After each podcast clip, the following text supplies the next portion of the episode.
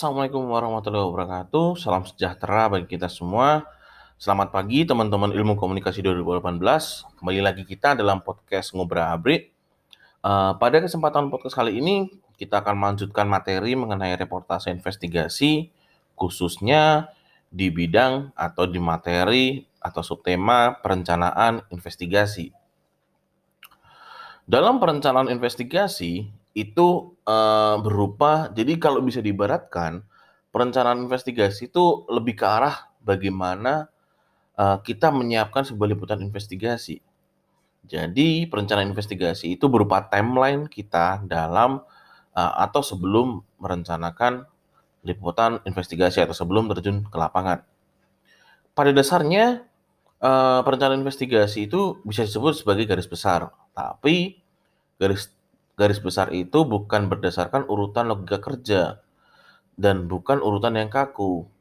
Langkah-langkah dalam perencanaan investigasi itu bisa menjadi acuan atau hanya sebagai acuan start, uh, acuan dalam kita start awal untuk sebuah proyek investigasi. Jadi, tidak menutup kemungkinan mereka yang ada di posisi chemistry yang tinggi investigasi. Jadi uh, gini, jadi nggak menutup kemungkinan bahwa ketika kita punya tim yang sudah mempunyai ikatan batin yang tinggi, uh, uh, liputan. Jadi kita udah sering melakukan liputan bersama, bukan tidak mungkin liputan investigasi akan terjadi begitu saja karena orang-orangnya sudah tahu tugas dan tupoksinya masing-masing. Perencanaan investigasi yang rapi dan rinci selain akan memudahkan pekerjaan, karena tentunya tadi berbentuk sebagai timeline, jika dikaitkan dengan ruang redaksi, rencana yang rapi dan rinci itu uh, juga dibutuhkan agar para atasan menyetujui anggaran dari peliputan yang kita rencanakan. Dalam liputan investigasi, eh, dalam perencanaan investigasi ada lima langkah dalam uh, timelinenya itu, yaitu yang pertama adalah membentuk tim, jelas. Yang kedua adalah kita harus melakukan riset dan survei dulu kepada objek yang akan kita jadikan liputan.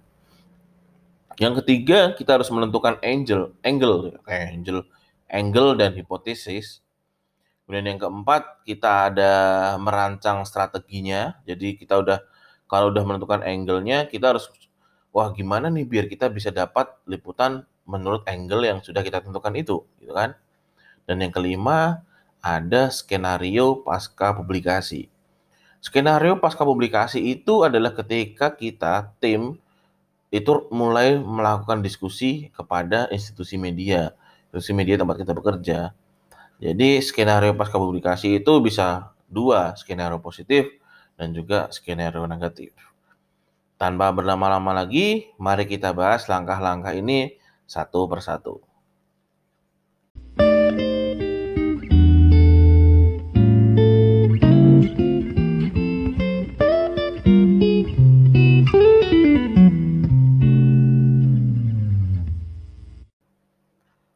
Baiklah, kita masuk ke langkah yang pertama, yaitu langkah membentuk tim.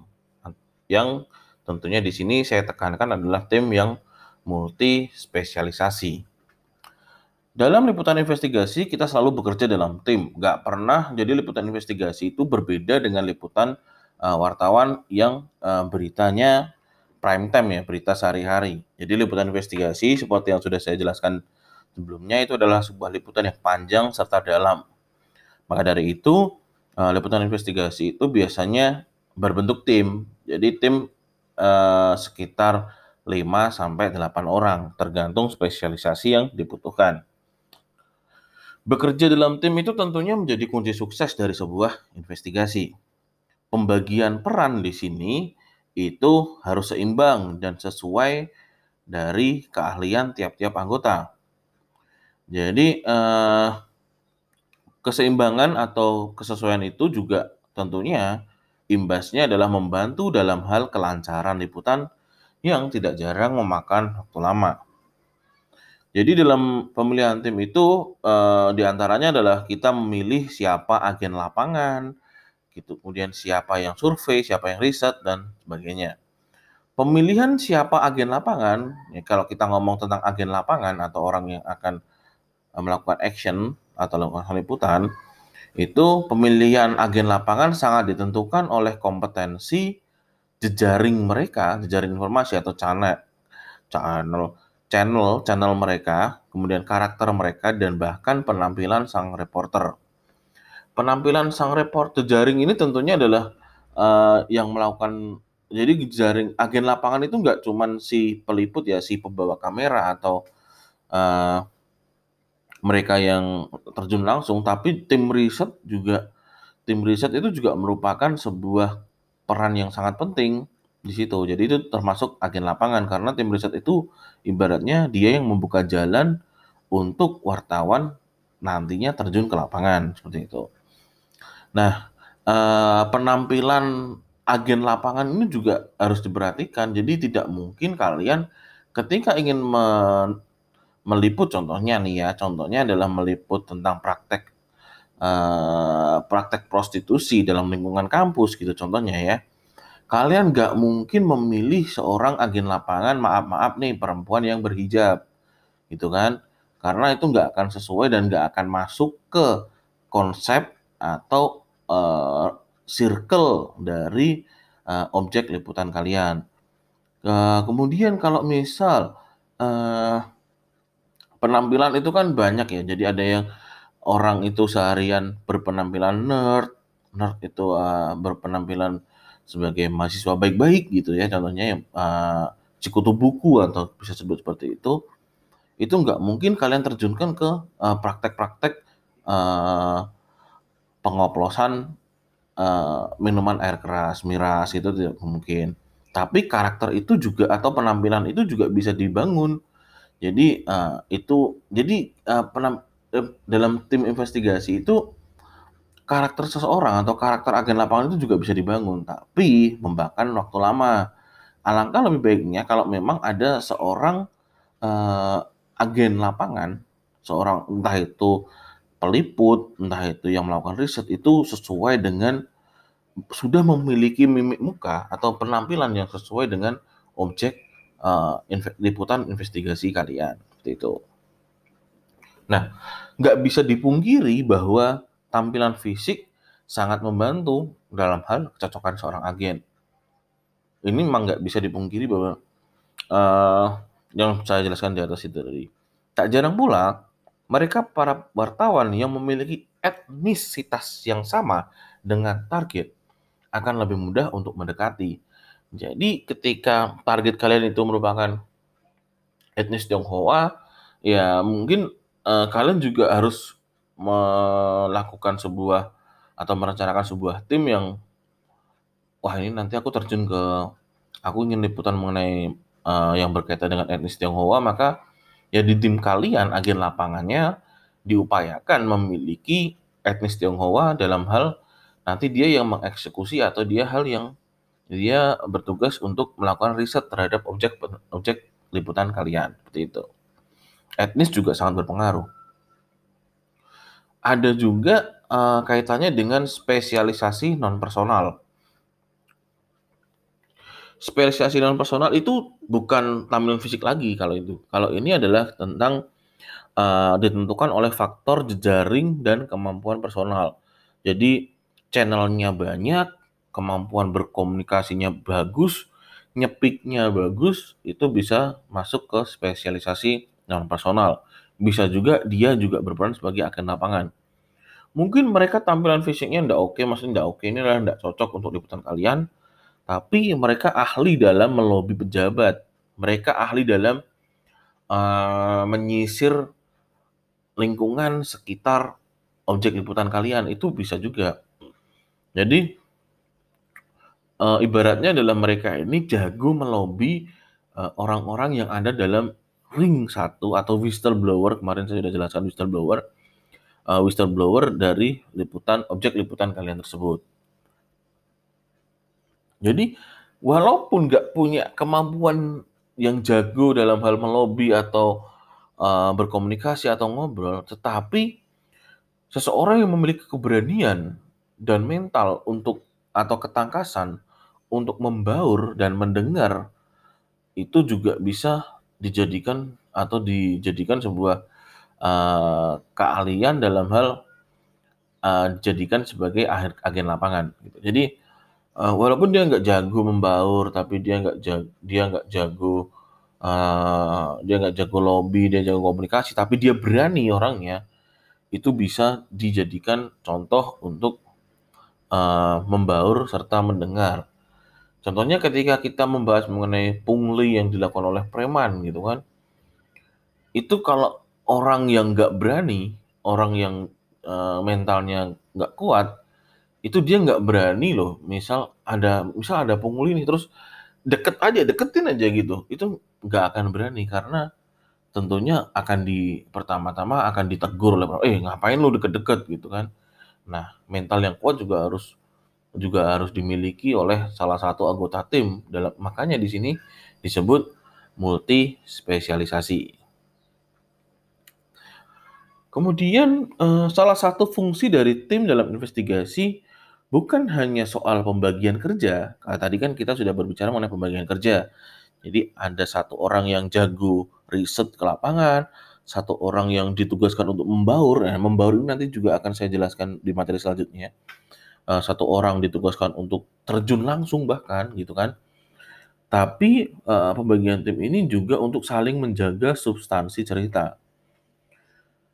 Jadi uh, substansi cerita ini di, di guidekan kepada ketika kita sudah mendapatkan semua materi atau footage yang berkaitan dengan liputan kita, maka peran tim ini juga untuk memfilter memfilter topik mana yang perlu dan tidak perlu untuk ditampilkan.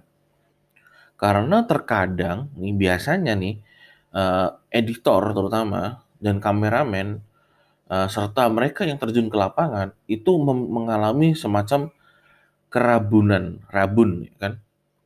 Rabun dalam hal memilih dan memilah. Jadi saking banyaknya informasi yang sudah mereka lihat, saking banyaknya footage yang sudah dilihat oleh oleh si editor, kemudian banyaknya fenomena di luar sana yang sudah dilihat oleh agen lapangan serta kameramen, itu jadi bias. Jadi bias bahwa ini yang penting yang mana kok uh, liputannya eh, nggak uh, fokus gini jadinya. Nah, peran tim itu juga berfungsi untuk itu. Jadi untuk kalau dalam bahasa uh, dalam bahasa ilmiah itu namanya proofreader. Proofreader itu berfungsi untuk menyaring dan ngecek lagi ini informasi ini tepat ditampilkan atau tidak seperti itu. Jadi eh, mereka yang nggak turun ke lapangan bertugas untuk menyaring topik mana yang sudah dikumpulkan ini yang penting dan tidak untuk ditampilkan ke dalam liputan. Jadi itu tadi mengenai uh, membentuk tim langkah pertama yaitu membentuk tim jadi bisa saya tekankan bahwa esensi dari pembagian kerja dalam tim investigasi adalah mencari spesialis terbaik berdasarkan kebutuhan liputan, bukan semata-mata untuk mengurangi beban kerja setiap orang. Jadi eh, multi spesialisasi ini sudah saya sudah sangat ditekankan bahwa yang dicari itu memang eh, spesialisasi spesialisasi yang dibutuhkan dalam liputan, bukan semata-mata wah aku tim tujuh orang deh. Buat apa? Biar masing-masing orang kerjaannya ringan. Enggak juga. Tujuh orang itu setiap orang harus punya peran masing-masing. Seperti itu loh Mbak. Ibaratnya. Jadi pembagian tim itu lebih ke arah bahwa kamu boleh menentukan tim berapapun, yang penting setiap orang dalam anggota tim itu mempunyai peran dan spesialisasinya mereka masing-masing. Itu dalam hal membentuk tim yang multi spesialisasi.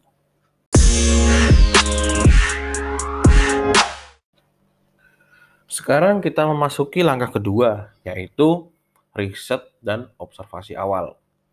Dalam investigasi, riset sebelum melakukan liputan itu sangat-sangat krusial karena riset itu me, apa namanya ya sebagai kunci dari lancar tidaknya sebuah investigasi. Agen lapangan yang turun sebelum liputan itu memiliki peran yang sangat penting. Dia harus tahu bahwa uh, liput objek ini jam segini di sini, jam segini di sini kayak gitu. Biar biar apa? Biar timeline yang sudah direncanakan itu bisa berjalan dengan sempurna. Maka tak jarang disebut bahwa riset itu merupakan inti dari investigasi. Riset dalam investigasi biasanya dipahami sebagai fase awal sebelum memulai sebuah liputan. Tapi riset juga bisa diamini sebagai sebuah fase di mana liputan itu sedang dilakukan. Jadi riset ini uh, dalam investigasi bisa di, dimaksudkan sebelum liputan dan saat liputan kayak gitu. Jadi sama-sama kita melakukan riset. Riset dalam investigasi itu timelinenya panjang ternyata ya. Uh, jadi tadi uh, diamini juga sebagai fase di mana liputan itu sedang dilakukan. Yang pada akhirnya, pada akhirnya nih closingan dari liputan itu bergerak ke arah kesimpulan. Kayak gitu. Jadi ibaratnya ketika kalian uh, sapi gelonggong deh contohnya yang saya contohkan kemarin. Riset awal, nah, riset awal ini yang sebelum dilakukan uh, penelitian atau liputan, itu kita melakukan riset bahwa kita harus tahu bedanya daging gelonggong sama daging segar. Yang pertama. Yang kedua, kita melakukan riset di pasar X bahwa banyak gak sih daging gelonggong di sini, kayak gitu. Yang kedua. Yang ketiga, mungkin ke arah konsumen bisa membedakan gak sih uh, bedanya dari daging gelonggong dan daging segar. Bahkan pedagang, mungkin pedagang bisa membedakan gak sih ini daging segar atau daging gelonggong, kayak gitu. Itu uh, riset awal liputan riset sedang saat liputan, itu kita bisa melakukan bahwa ini orang kalau gelonggong daging di mana ya? Kayak gitu. Tempat jagalnya di mana atau TPH-nya di mana, tempat pemotongan hewannya di mana. Kemudian kita juga bisa tahu saat liputan proses pelenggelonggongan. Caranya piye itu memasukkan air ke sapi itu caranya gimana? Itu bisa tahu. Itu juga kita melakukan riset juga di situ. Endingnya uh, setelah liputan itu ada closing dari liputan itu, maka kesimpulannya adalah uh, mungkin daging gelonggong marak di pasar X, kota X, kota Y, gitu kan. Kemudian konsumen tidak bisa membedakan uh, bedanya daging gelonggong dan daging X. Tentunya statement tidak bisa membedakan itu itu merupakan hasil dari riset kita pada awal liputan tadi dan diakhiri dengan proses atau cara atau kesimpulan dari cara menggelonggong sapi untuk kemudian disembelih seperti itu. Jadi riset itu bisa dari awal liputan hingga saat liputan kayak gitu. Riset atau observasi dilakukan untuk mengawali dan kemudian untuk membuktikan bahwa hipotesis atau dugaan kita akan suatu hal itu benar adanya. Observasi memiliki dua jenis, yang pertama adalah observasi untuk mengumpulkan informasi, yang bisa disebut dengan survei. Yang kedua adalah tekniknya, teknik informasi yang digunakan dalam sebuah liputan untuk membuktikan kebenaran dari observasi awal. Jadi observasi pertama itu survei, nah, yaitu riset pertama dalam awal liputan itu disebut survei. Kalau saat liputan itu disebut dengan teknik observasi. Observasi awal atau survei biasanya wartawan TV atau video jurnalis atau VJ itu menekankan adanya peran berbeda pada jenis observasi. Bagi VJ, video jurnalis, teknik observasi tidak akan bermakna selama mereka tidak membawa alat perekam gambar dan sebelum membawanya harus ada survei terlebih dahulu. Jadi Survei dan teknik survei itu merupakan dua hal yang sangat berkaitan. Kamu sudah survei, tapi ketika kaitannya dengan wartawan TV, ketika kalian melakukan liputan, ketika kita melakukan teknik observasinya, kita nggak bawa alat perekam gambar itu percuma kayak gitu. Begitupun sebaliknya, kita udah bawa alat perekam gambar, tapi nggak ada survei sebelumnya, itu juga liputan akan gelambiar ke mana-mana seperti itu. Dengan survei, dengan liputan uh, apa namanya riset awal tadi atau survei, kita bisa mengetahui bahwa kondisi lapangan, kita bisa mengetahui bagaimana kondisi lapangan di sana, kemudian kita bisa mengetahui seberapa jauh posisi kita dengan objek liputan yang akan kita liput, kemudian uh, adakah ancaman dari berbagai sisi terutama ketika kita sedang meliput. Nah, itu pentingnya tim survei awal itu di situ. Jadi ibaratnya nih kalau saya boleh berkata bahwa nyawa nyawa liputan nggak cuma nyawa liputan, nyawa wartawan yang turun itu juga bergantung kepada kepiawaian atau tingkat detail informasi yang tim survei berikan dalam brainstorming, dalam diskusi sebelum wartawan tersebut turun ke lapangan. Kayak gitu. Jadi mungkin dalam kaitannya peralatan ketika tim survei sudah apa namanya ya sudah mempresentasikan secara detail nih lokasi liputan kita. Jadi dalam kaitannya dengan peralatan dalam teknik observasi tadi uh, wartawan yang turun ke lapangan juga bisa memutuskan bahwa aku bakal bawa berapa kamera. Aku bakal tempatkan kamera itu di mana aja itu bisa juga di situ. Jadi memang informasinya itu harus detail banget kalau kita ingin melakukan liputan investigasi. Karena apa? Karena momen momen-momen dalam liputan investigasi itu insidental. Momennya itu occasional aja. Jadi nggak momennya nggak bisa dalam apa namanya ya dalam alur waktu yang sama terus setiap hari itu enggak. Jadi mungkin hari ini siang, besok nggak ada, lusanya baru malam kayak gitu loh. Jadi kita harus memanfaatkan bener-bener ini buat kita bisa tahu. Nah, bagaimana kita bisa tahu siang, malam itu itu kan pasti berulang biasanya ya, tapi berulangnya itu nggak teratur. Nah, itu kemampuan tim riset untuk menentukan kapan waktu yang tepat untuk melakukan liputan gitu. Observasi atau survei dalam tahap perencanaan biasanya dilakukan dalam topik yang lebih kompleks dan membutuhkan kerjasama tim. Tim harus benar-benar tahu seluk-beluk medan liputan kita, lokasi liputan itu tim harus benar-benar tahu untuk meminimalisir kejadian yang tidak diinginkan. Untuk VJ atau video jurnalis, penting dilakukan sebelum memutuskan di mana akan menempatkan kamera. Hasil survei ini kemudian akan dibawa dalam rapat perencanaan untuk menentukan berapa orang yang diterjunkan, siapa saja, perannya apa saja, resiko yang terburuk, serta anggaran. Anggaran juga harus ditentukan. Jadi eh, dalam observasi ini juga dalam observasi itu juga imbasnya ke anggarannya juga bisa tahu dari situ.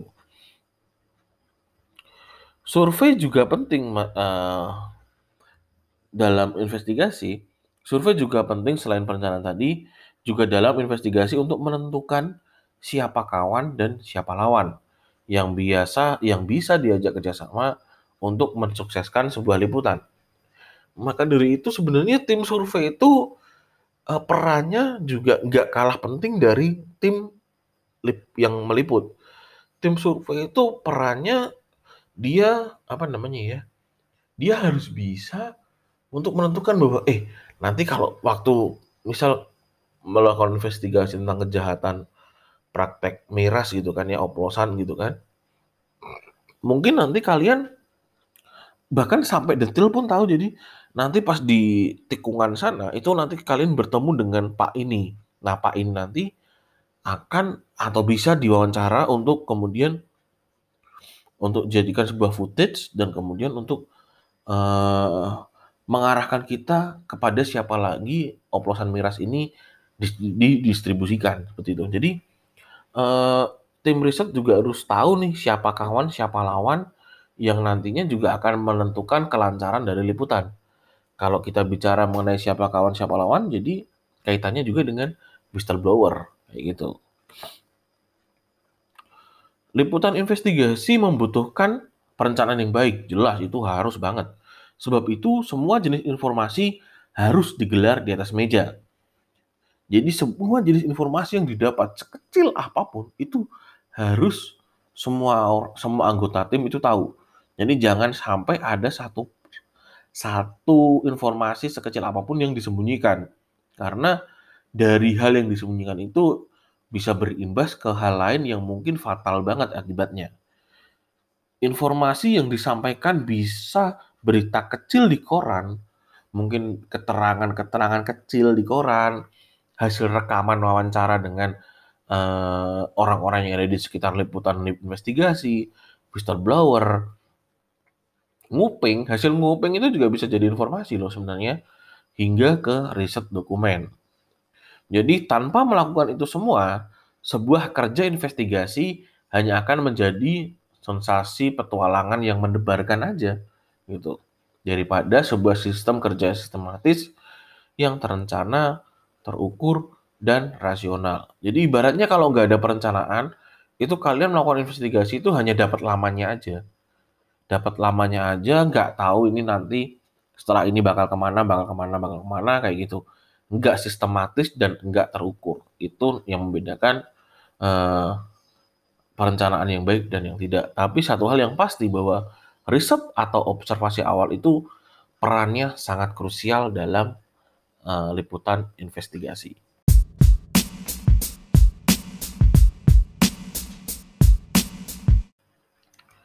Langkah ketiga adalah menentukan angle atau fokus dan hipotesis. Angle atau fokus liputan ditentukan oleh sebuah pertanyaan sederhana. One simple question. Apa yang hendak kita ungkap? Gitu. Di sini merupakan hal penting dalam sebuah liputan investigasi, yaitu menentukan sudut bidik liputan, sudut pandang liputan sekaligus fokus ke bagian tertentu yang hendak dicari jawabannya. Pemilihan angle bukan perkara benar atau salah, tetapi lebih dari itu, yaitu merupakan sebuah preferensi dari tim tentang sesuatu yang paling dibutuhkan untuk memuaskan dan menjawab pertanyaan publik terkait topik tersebut. Memilih angle dalam liputan persis seperti kerja kamera. Sama-sama memotret sebuah peristiwa, tetapi dipotret dari sudut pandang yang beraneka ragam, yang kemudian membuat gambar tersebut bercerita dengan sendirinya. Sama-sama, ini ibaratnya nih, ketika gunung berapi meletus, gunung Merapi meletus kemarin, sama-sama meliput tentang letusan Gunung Merapi.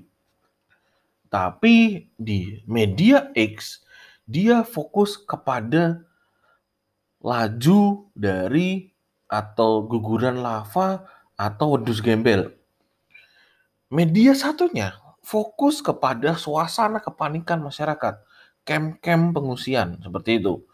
Jadi angle itu ya kita yang bebas, gak ada yang menentukan bahwa wah media ini angle-nya salah. Enggak juga. Siapa tahu tim tim investigasinya memang dia memang fokusnya di situ. Jadi kita sebagai halayak nggak bisa membenarkan dan mensalahkan liputan investigasi seseorang. Jadi tadi sama-sama memotret letusan Gunung Merapi. Namun dari mana seharusnya fotografer berdiri untuk menangkap hal penting dari letusan tersebut? Apakah tentang detil dahsyatnya letusan dengan lava dan awan panas yang turun dari puncak gunung, atau suasana warga yang panik dengan latar belakang letusan tersebut? Itu yang membedakan atau yang dimaksud dengan sudut pandang sebuah uh, liputan.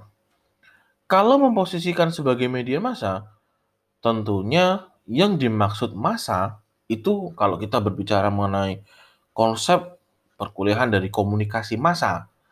Arti dari massa itu adalah publik, bukan bebatuan serta gunung lavanya tadi.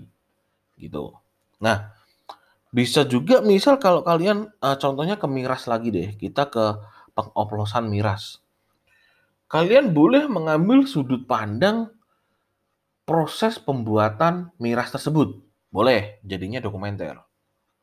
Tapi boleh juga kalian fokus ke arah bagaimana miras oplosan itu diperjualbelikan. Bisa juga.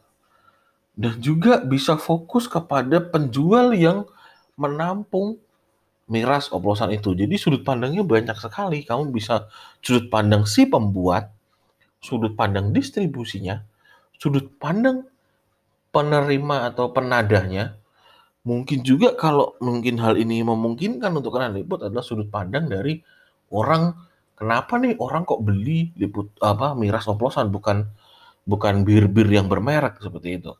Kayak gitu. Itu dari sudut pandang. Jadi sudut pandang itu sangat beraneka ragam.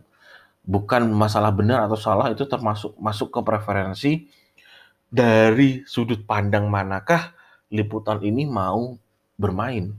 Jadi tim ini dalam sebuah liputan X, aku ingin membedah dari sisi ininya. Dia membedah dari sisi Y gitu. Jadi seperti itu. Jadi uh, sudut pandang ini itu hak prerogatif tiap tim liputan kayak gitu. Nah, selain tadi menentukan angle atau fokus, bisa juga langkah selanjutnya adalah menentukan hipotesis. Merumuskan hipotesis dalam beberapa kasus itu e, bisa disebut hipotesis itu kayak tuduhan, ya kan? Tuduhan jurnalistik yang belum dipublikasikan. Hipotesis itu bisa uh, bersifat imajinatif. Ketika kalian meliput mengenai uh, hipotesis uh, kalian meliput mengenai miras tadi, itu kalian sudah berhipotesis bahwa ah ini bikinnya dari ini campur ini campur ini. Kalian sudah punya imajinasi seperti itu. Dan hipotesis itu dibuktikan selama liputan itu dilakukan. Seperti yang dibilang oleh Dandi Dwi Laksono, yaitu jurnalisme itu menghalalkan rasa curiga. Itu harus punya.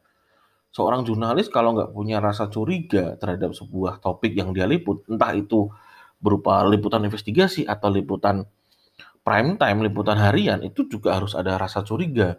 Dari rasa curiga itu muncullah yang dinamakan verifikasi aku curiga nih sama orang ini nih. Tapi kalau cuman curiga itu kan namanya praduga. Nah, praduga itu bagaimana caranya sebuah asas kecurigaan itu layak dipublikasikan? Yaitu dengan cara melalui proses yang namanya verifikasi. Nah, liputan investigasi itu bersifat memverifikasi asas kecurigaan kita terhadap sebuah objek liputan. Dari kecurigaan tersebut, lahirlah penyelidikan atau investigasi yang akan membuktikan apakah hipotesis tersebut terbukti atau hanya imajinasi jurnalis semata. Setelah menentukan angle dan fokus liputan, wartawan perlu merumuskan hipotesis yang akan diujinya di lapangan.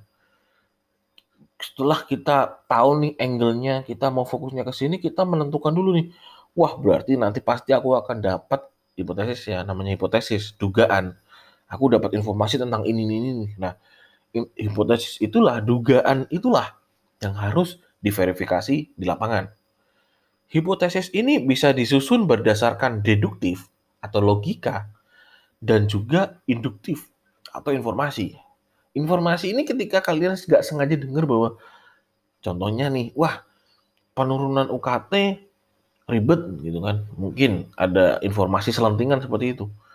Kalian terbersit sebuah keinginan untuk memverifikasi hal itu.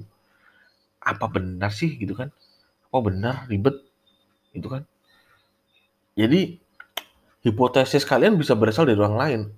Kalau dalam hal UKT tadi, hipotesis kalian itu bisa berasal dari perkataan orang yang kalian dengar tadi.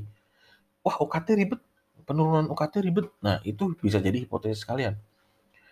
Setelah itu, hipotesis hipotesis itu akan berguna atau akan berharga ketika kalian mencoba untuk memverifikasi apakah omongan orang itu tadi benar atau salah.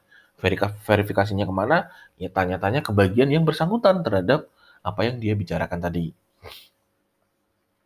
Hipotesis bisa disusun dengan melihat pola peristiwa serupa yang pernah terjadi bisa juga dirumuskan dari potongan fakta atau hasil survei yang terkumpul. Dan juga tidak menutup kemungkinan dari keduanya untuk lebih menguatkan dugaan wartawan.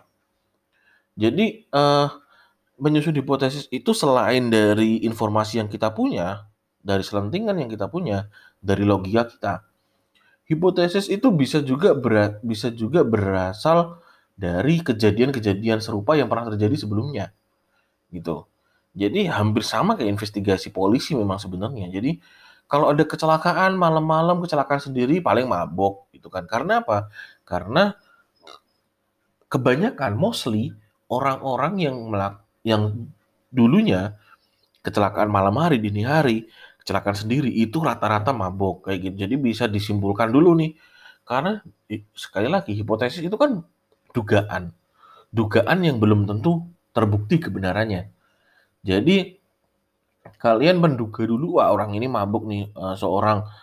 Ada sebuah peristiwa di mana mobil itu dini hari uh, nah, tabrak lari beberapa orang dan akhirnya meninggal.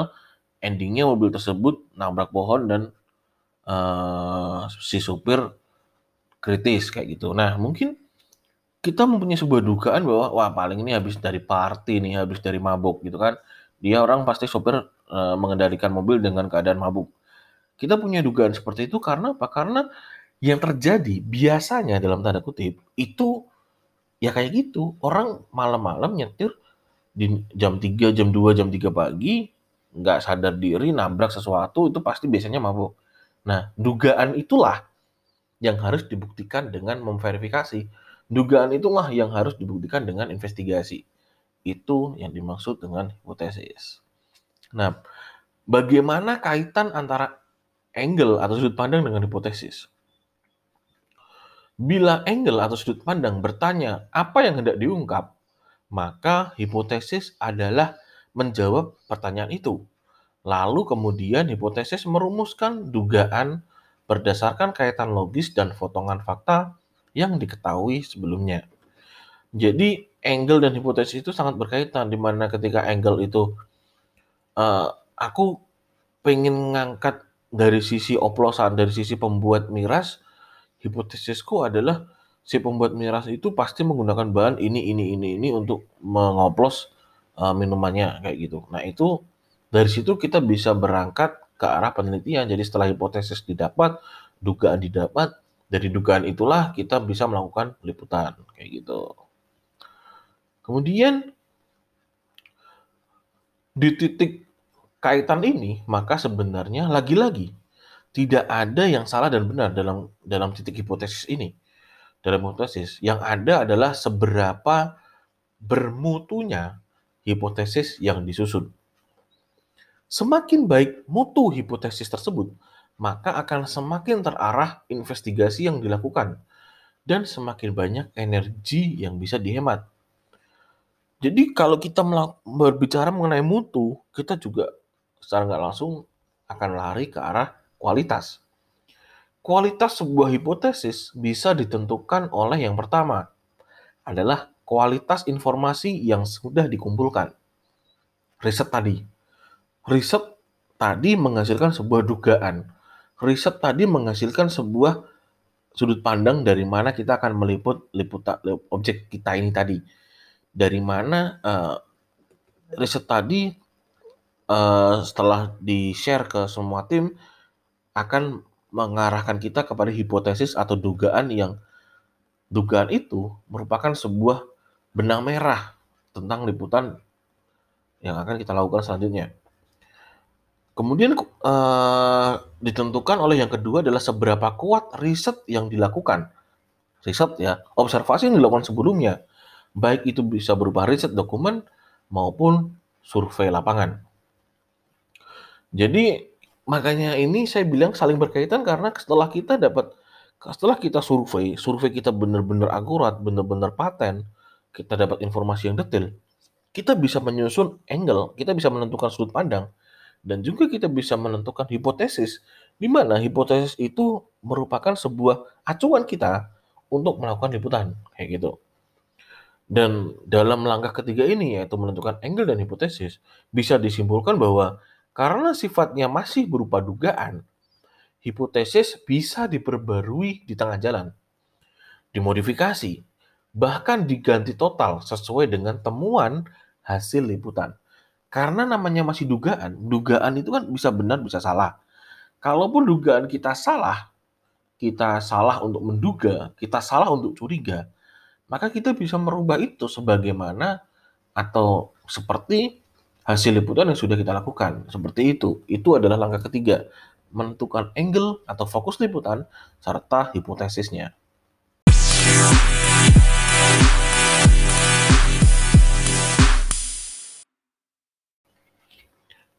Masuk ke langkah keempat, yaitu merencanakan strategi eksekusi. Nah, ini adalah uh, ibaratnya kita harus buat roadmap nih, roadmap dalam hal peta. Ini uh, jal bagaimana jalannya sebuah liputan. Uh, dalam langkah keempat, yaitu merencanakan strategi eksekusi, setelah kita merumuskan hipotesis atau dugaan kita tadi, Langkah selanjutnya adalah merancang strategi eksekusi liputan. Ini semacam merancang skenario jalannya operasi tempur. Operasi tempur di mana bagaimana kita bisa mengarah ke hipotesis yang sudah kita susun tadi. Bagaimana kita bisa membuktikan hipotesis yang sudah kita lakukan, sudah kita susun tadi berdasarkan informasi-informasi yang telah kita dapat dalam observasi awal yang sudah kita lakukan. Dalam melakukan liputan, dalam strategi eksekusi, kita harus punya lebih dari satu skenario. Jadi kita harus punya dari plan A hingga plan E setidaknya. Kita harus punya 5. Jadi kalau A sampai Z kebanyakan 26. Pusing kita, udah capek duluan sebelum eksekusi. 5 aja dulu minimal, maksimal. Kita harus punya setidaknya 5 skenario untuk menghindari jalan buntu. Karena nggak menutup kemungkinan bahwa aktivitas kita menyap uh, yang di mana kita melakukan riset atau observasi awal tadi sudah tercium oleh mereka, sudah tercium oleh objek liputan kita, sehingga mereka merubah kebiasaan, merubah habit mereka, sehingga tidak bisa tertebak oleh kita yang ingin melakukan liputan.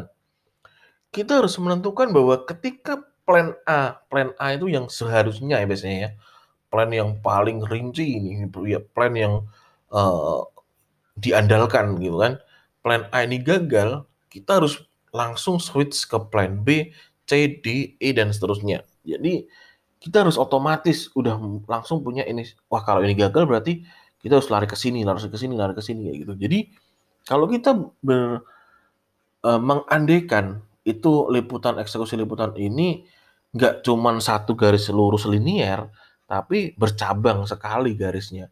Jadi mungkin A, kita berangkat dari titik sini, gitu kan? Dari titik uh, Tuguran atau Bangsan. Kemudian kita berangkat ke daerah uh, ke daerah alun-alun, alun-alun Kota Magelang. Kalau kita nggak bisa lancar alun-alun, berarti kita oper dulu ke Boton. Ke Boton, kemudian dari Boton ke mana, endingnya ke alun-alun. Jadi kayak gitu. Harus ada plan-plan setiap satu step ke depan harus punya dua atau tiga plan lain untuk mengarah ke step ke depan itu. Kayak gitu. Itu dimaksud dengan strategi eksekusi. Pada dasarnya, strategi peliputan adalah jawaban atas pertanyaan how, yaitu bagaimana investigasi ini bisa dijalankan. Gitu. Nah, itu tadi kita harus punya lebih dari satu skenario tadi. Di mana kalau biasanya kan linear nih dari A ke B satu garis gitu kan atau satu anak panah gitu. Dari A ke B langsung lurus. Tapi uh, kita jangan cuma satu garis lurus tapi dari A ke B mungkin anak panahnya ada banyak nih. Mungkin lewat C dulu baru ke B atau lewat C, D, E baru ke B kayak gitu. Jadi kita harus punya banyak uh, banyak strategi untuk melakukan investigasi ini. Tim lapangan harus sedemikian rupa memahami seluk-beluk medan tempat mereka akan diturunkan. Jadi selain riset, tim riset, tim lapangan juga harus tahu nih jangan-jangan Eh, nggak lucu juga ketika misal diturunkan di sebuah tempat pemotongan hewan ketika ingin melakukan investigasi tentang sapi gelonggong tadi, tim lapangan atau mereka yang meliput itu, wih aku ning di gitu kan, dia bingung, dia di mana itu dia bingung, dia mau ngapain aja dia bingung. Bahkan yang lebih lucu lagi, dia takut darah itu, waduh kalau itu udah udah parah sekali karena Ya, kalau ketika kamu ingin melakukan investigasi mengenai daging gelonggongan, ya mau nggak mau kamu harus lari ke tempat penyembelihan. Tempat penyembelihan ya nggak lucu kalau penyembelihan nggak ada darahnya, kayak gitu kan. Dibelih walaupun ya siapa tahu Mas kalau sapi gelonggong ketika disembelih keluarnya air, ya nggak juga, nggak juga air juga, ya pasti darah juga. Nah, akan lucu ketika tim lapangan atau mereka yang meliput itu takut akan darah. Langsung gagal udah liputan kalian kalian punya cuma punya momen itu doang, tapi uh, semua itu berantakan karena yang kalian terjunkan itu takut akan daerah itu udah langsung fail, liputan itu akan langsung fail kayak gitu. Strategi operasi menuntut kecermatan hingga ke arah yang sangat mendetail. Tidak ada teorinya, tetapi semua harus dikembangkan secara dinamis sesuai kebutuhan di lapangan. Nah, ini bisa disebut dengan improvisasi. Ketika uh, saya nggak bisa wawancara dia, saya harus punya improvisasi sendiri buat bagaimana caranya dia mau mengeluarkan informasi yang sekiranya berkaitan dengan liputan yang akan kita lakukan ini, gitu kan? Nah, uh, dan juga jangan misal nih Aku mau ke alun-alun Kota Magelang dari Potor Bangsan. Biasanya ada angkot ya kan, tapi uh, kita fokus ke tadi ya yang semua harus dikembangkan secara dinamis sesuai keadaan atau kebutuhan di lapangan. Biasanya ada angkot, tapi hari ini angkot nggak ada, terus ah malas ah nggak jadi ah kayak gitu. Dia nggak berusaha untuk improvisasi untuk uh, mengembangkan atau untuk menyesuaikan keadaan. Ya kalau nggak ada angkot, mungkin naik ojek ke sana. Jadi atau naik apa naik apa, yang penting harus bisa sampai ke alun-alun Kota Magelang seperti itu. Jadi jangan karena satu hal kemudian kalian jadi loyo. Satu hal yang nggak sesuai dengan rencana, kemudian kalian jadi loyo. Itu jangan sampai terjadi dalam terutama ketika eksekusi investigasi. Strategi akan bisa disusun secara rinci apabila survei dilakukan dengan sempurna. Sekali lagi, survei. Pentingnya itu menunjukkan bahwa sebegitu pentingnya langkah nomor dua tadi. Observasi awal itu sangat penting dalam uh, melakukan investigasi, bahkan sampai ke strategi eksekusi juga. Jadi kedua hal antara observasi dan juga strategi ini sangat berkaitan. Dari observasi kita bisa tahu langkah apa yang harus kita lakukan untuk meliput kejadian ini, kejadian X, objek liputan kita. Jadi eh, observasi juga menuntun tim lapangan, tentunya kalau itu menuntun mereka untuk aware, untuk tahu bahwa objekmu ini biasanya gini loh, kebiasaannya gini-gini loh, seperti itu. Itu harus sampai ke detail itu. Itulah tadi uh, bagaimana tentang merencanakan strategi eksekusi yang pasti adalah kalian sangat haram, sangat dilarang punya satu skenario saja dalam melakukan investigasi ataupun liputan ataupun bikin dokumenter. Jadi perbanyaklah skenario untuk melakukan investigasi. Strategi eksekusi itu harus banyak strateginya. Kalau cuma satu, saya yakin pasti gagal. Kebanyakan seperti itu.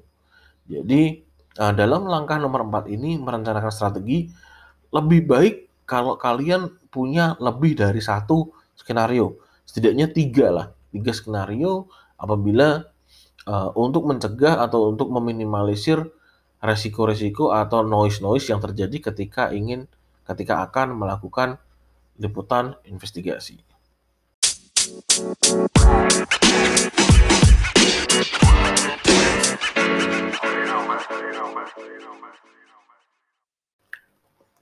Masuk ke langkah kelima, yaitu menyiapkan skenario pasca publikasi.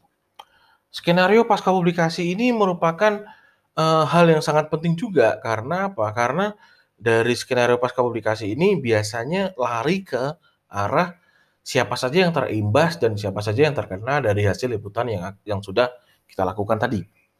Nah, untuk itu, maka ketika kita brainstorming atau rapat selain dengan tim, juga dengan juga diarahkan atau juga sangat diharuskan untuk rapat juga dengan pemimpin ataupun korlap, koordinator lapangan atau pimret, pimpinan redaksi dari institusi media tempat kita bekerja. Kayak gitu. Nah, sekali lagi, yang namanya investigasi itu tidak pernah bersahabat dengan yang namanya gugatan. Karena gugatan itu merupakan salah satu resiko dari keisengan kita membongkar sebuah kasus yang rapi ditutupi. Selain menghadapi gugatan hukum, sebuah produk jurnalistik, terutama investigasi tentunya, juga menghadapi ancaman lain seperti tindak kekerasan, baik terhadap media maupun terhadap individu jurnalisnya. Dari sisi kewartawanan, dari sisi wartawannya, dari sisi individu jurnalisnya, ancaman terjadi dari yang paling berat biasanya adalah rencana pembunuhan, uh, seorang jurnalis itu dibunuh karena telah membongkar sebuah kasus hingga ke teror keluarga terdekat. Itu yang paling bahaya. Skenario uh, pasca publikasi harus menjadi bagian dari perencanaan, di mana segala kemungkinan harus dipertimbangkan dan dicarikan solusi jalan keluarnya.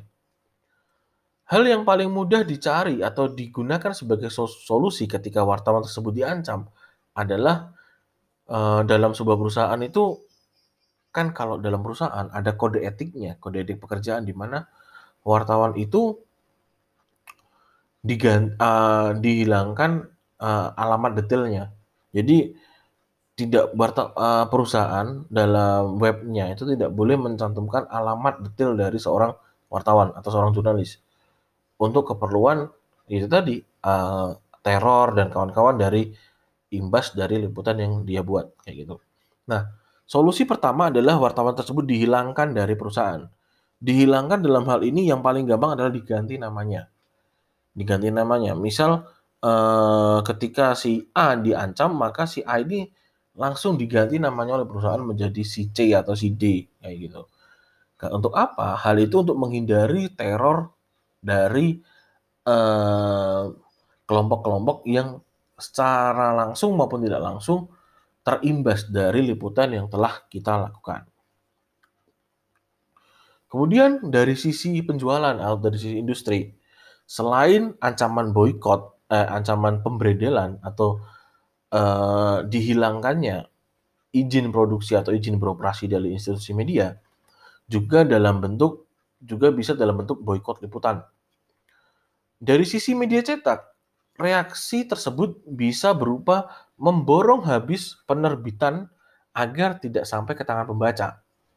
Jadi ketika sebuah kalau Tempo biasanya melakukan investigasi ya, ketika tabloid Tempo rilis, biasanya orang-orang yang terimbas dari liputan Tempo di edisi itu langsung memborong habis tabloidnya. Langsung diborong habis hingga dengan tujuan apa? Dengan tujuan tabloid itu tidak sampai ke tangan pembaca. Itu adalah tujuan dari boykot liputan. Hal-hal semacam hal-hal semacam itu juga harus di, diidentifikasi dalam rapat, di mana dalam rapat itu selain mengidentifikasi resiko, juga mengidentifikasi siapa saja yang terimbas dan cara menyelesaikan atau ada solusi dari uh, ketika war, uh, yang di yang terimbas itu melakukan sebuah aksinya gugatan, teror, dan kawan-kawan itu institusi media juga harus punya solusinya. Seperti yang terjadi dalam liputan Tempo uh, yang di yang mengangkat mengenai kebakaran pasar Tanah Abang. Tanah Abang di Jakarta itu sempat mengalami kebakaran hebat sebelum akhirnya direnovasi seperti sekarang ini. Usut punya usut, kalau kita bicara mengenai pasar yang dibakar, itu endingnya pasti akan ada renovasi. Dan itu sudah jadi rahasia umum. Jadi mungkin ketika Anda sebuah selentingan di mana, waduh pasar ke kaubongan karena listriknya konslet gitu kan. Biasanya kan kayak gitu tuh. Halus listrik konslet kan kawan-kawan. Itu bullshit. Kebanyakan pasar yang direnovasi itu dibakar dulu. Untuk apa? Yang pertama adalah untuk meminimalisir yang pasti untuk meminimalisir biaya pembongkaran. Jadi daripada repot-repot dibongkar, ya dibakar aja, itu lebih gampang kayak gitu. Dan orang-orang di dalamnya juga sudah tahu, maka dari itu jarang sekali terjadi uh, apa namanya kerugian yang angkanya fantastis itu jarang terjadi. Biasanya yang mengalami kerugian itu adalah orang-orang yang nggak mau dipindahkan sementara. Jadi kan biasanya ketika pasar mau direnov itu kan pasti orang-orang eh uh, ada forum ya, anggap aja forum pasar gitu kan. "Yuk, uh, kumpul sini, kita jelaskan," uh, dari kontraktornya menjelaskan bahwa nanti ini akan direnov, kemudian nanti akan kita bakar. Untuk sementara itu kalian saya kita pindahkan ke lapak di sana gitu kan. Mungkin orang-orang yang nggak setuju dengan pemindahan lapak itu, itulah yang mengalami kerugian. Karena mostly kebanyakan orang-orang pedagang-pedagang itu yo melu-melu aja ngikut aja lah ya nggak apa kita pindah dulu sebentar untuk kemudian kita bisa menempati pasar baru yang lebih nyaman kayak gitu kan. Nah, dalam kasus Tanah Abang ini itu kan yang memenangkan proyeknya adalah Tommy Winata. Tommy Winata itu uh, sebuah bis, seorang bisnismen. Nah, kalau kalian pernah dengar kabar bahwa Cristiano Ronaldo menanam mangrove di Bali, di Teluk Benoa, Tanjung Benoa. Nah, itu pemerakarsanya adalah Tommy Winata. Nah, uh, penanaman mangrove itu juga sedikit jadi polemik karena nggak sampai setahun setelah mangrove itu ditanam, tiga bulan atau berapa bulan ditanam, itu muncul pergerakan besar-besaran dari aktivis lingkungan di Bali sekitar 3 sampai 5 tahun ke belakang yang gaungnya atau suaranya itu kayaknya masih terdengar sampai sekarang yaitu Bali tolak reklamasi. Nah, itu. Oke, itu tentang Tommy Winata seperti itu. Nah, Tommy Winata berhasil memenangkan mega proyek untuk merenovasi dan membangun ulang Pasar Tanah Abang. Proyeknya senilai 53 miliar. Banyak banget waktu itu kan 53 miliar. Sampai sekarang pun masih banyak 53 miliar. Nah, usut punya usut. Dalam pembakaran itu Tommy Winata sendiri. Jadi Tommy Winata bayar orang buat bakar, Pun pula yang dapat proyek untuk bangun gitu. Itulah yang diinvestigasi oleh Tempo dan akhirnya Tommy Winata nggak terima dong atas ini, merasa nggak terima kayak gitu biasa kuat-kuatan duit kan. Dalam kasus liputan itu, Tempo harus menghadapi tiga konsekuensi, yaitu yang pertama adalah kantornya digeruduk oleh preman-preman, yang kedua pimretnya dibukuli di kantor polisi, dan yang ketiga adalah medianya terancam di bredel, seperti itu. Jadi uh, skenario-skenario itu juga harus dipertimbangkan. Maka dari itu uh, ada beberapa tips untuk menyiapkan perencanaan skenario pasca publikasi. Yang pertama, dalam rapat itu adalah kalian harus menyusun daftar potensi ancaman. Dari yang paling ringan hingga yang paling berat, serta buatlah strategi untuk menghadapi ancaman tersebut. Yang kedua, buat daftar pihak yang secara langsung maupun tidak langsung terimbas dari hasil publikasi.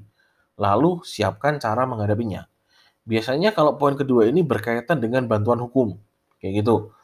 Ini nomor tiga, identifikasi siapa saja atau siapkan siapa saja yang sekiranya bisa dijadikan backingan kita atau dekengan kita atau backup kita untuk memberi, memberikan pertolongan uh, ketika gugatan itu diluncurkan. Tentunya ketika kita menyusun sebuah atau men apa namanya ya, aduh kok lupa ya blank nih. Untuk dekengan kita itu tentunya adalah dari orang-orang whistleblower kan tentunya. Orang-orang yang ikut ikut campur dalam kejahatan itu. Contohnya preman-preman yang tertangkap polisi. Preman-preman tertangkap polisi karena diduga sebagai pelaku pembakaran pasar itu bisa kita jadikan dekengan karena dari kesaksian dia bisa menguatkan posisi kita ketika uh, pembakaran tadi ketika si TW itu melakukan sebuah gugatan Kayak gitu. Jadi kuat-kuatan saksi di situ. Itu adalah beberapa skenario pasca publikasi yang bisa kita lakukan atau bisa kita susun untuk mengamankan posisi kita nanti. Seperti itu, teman-teman.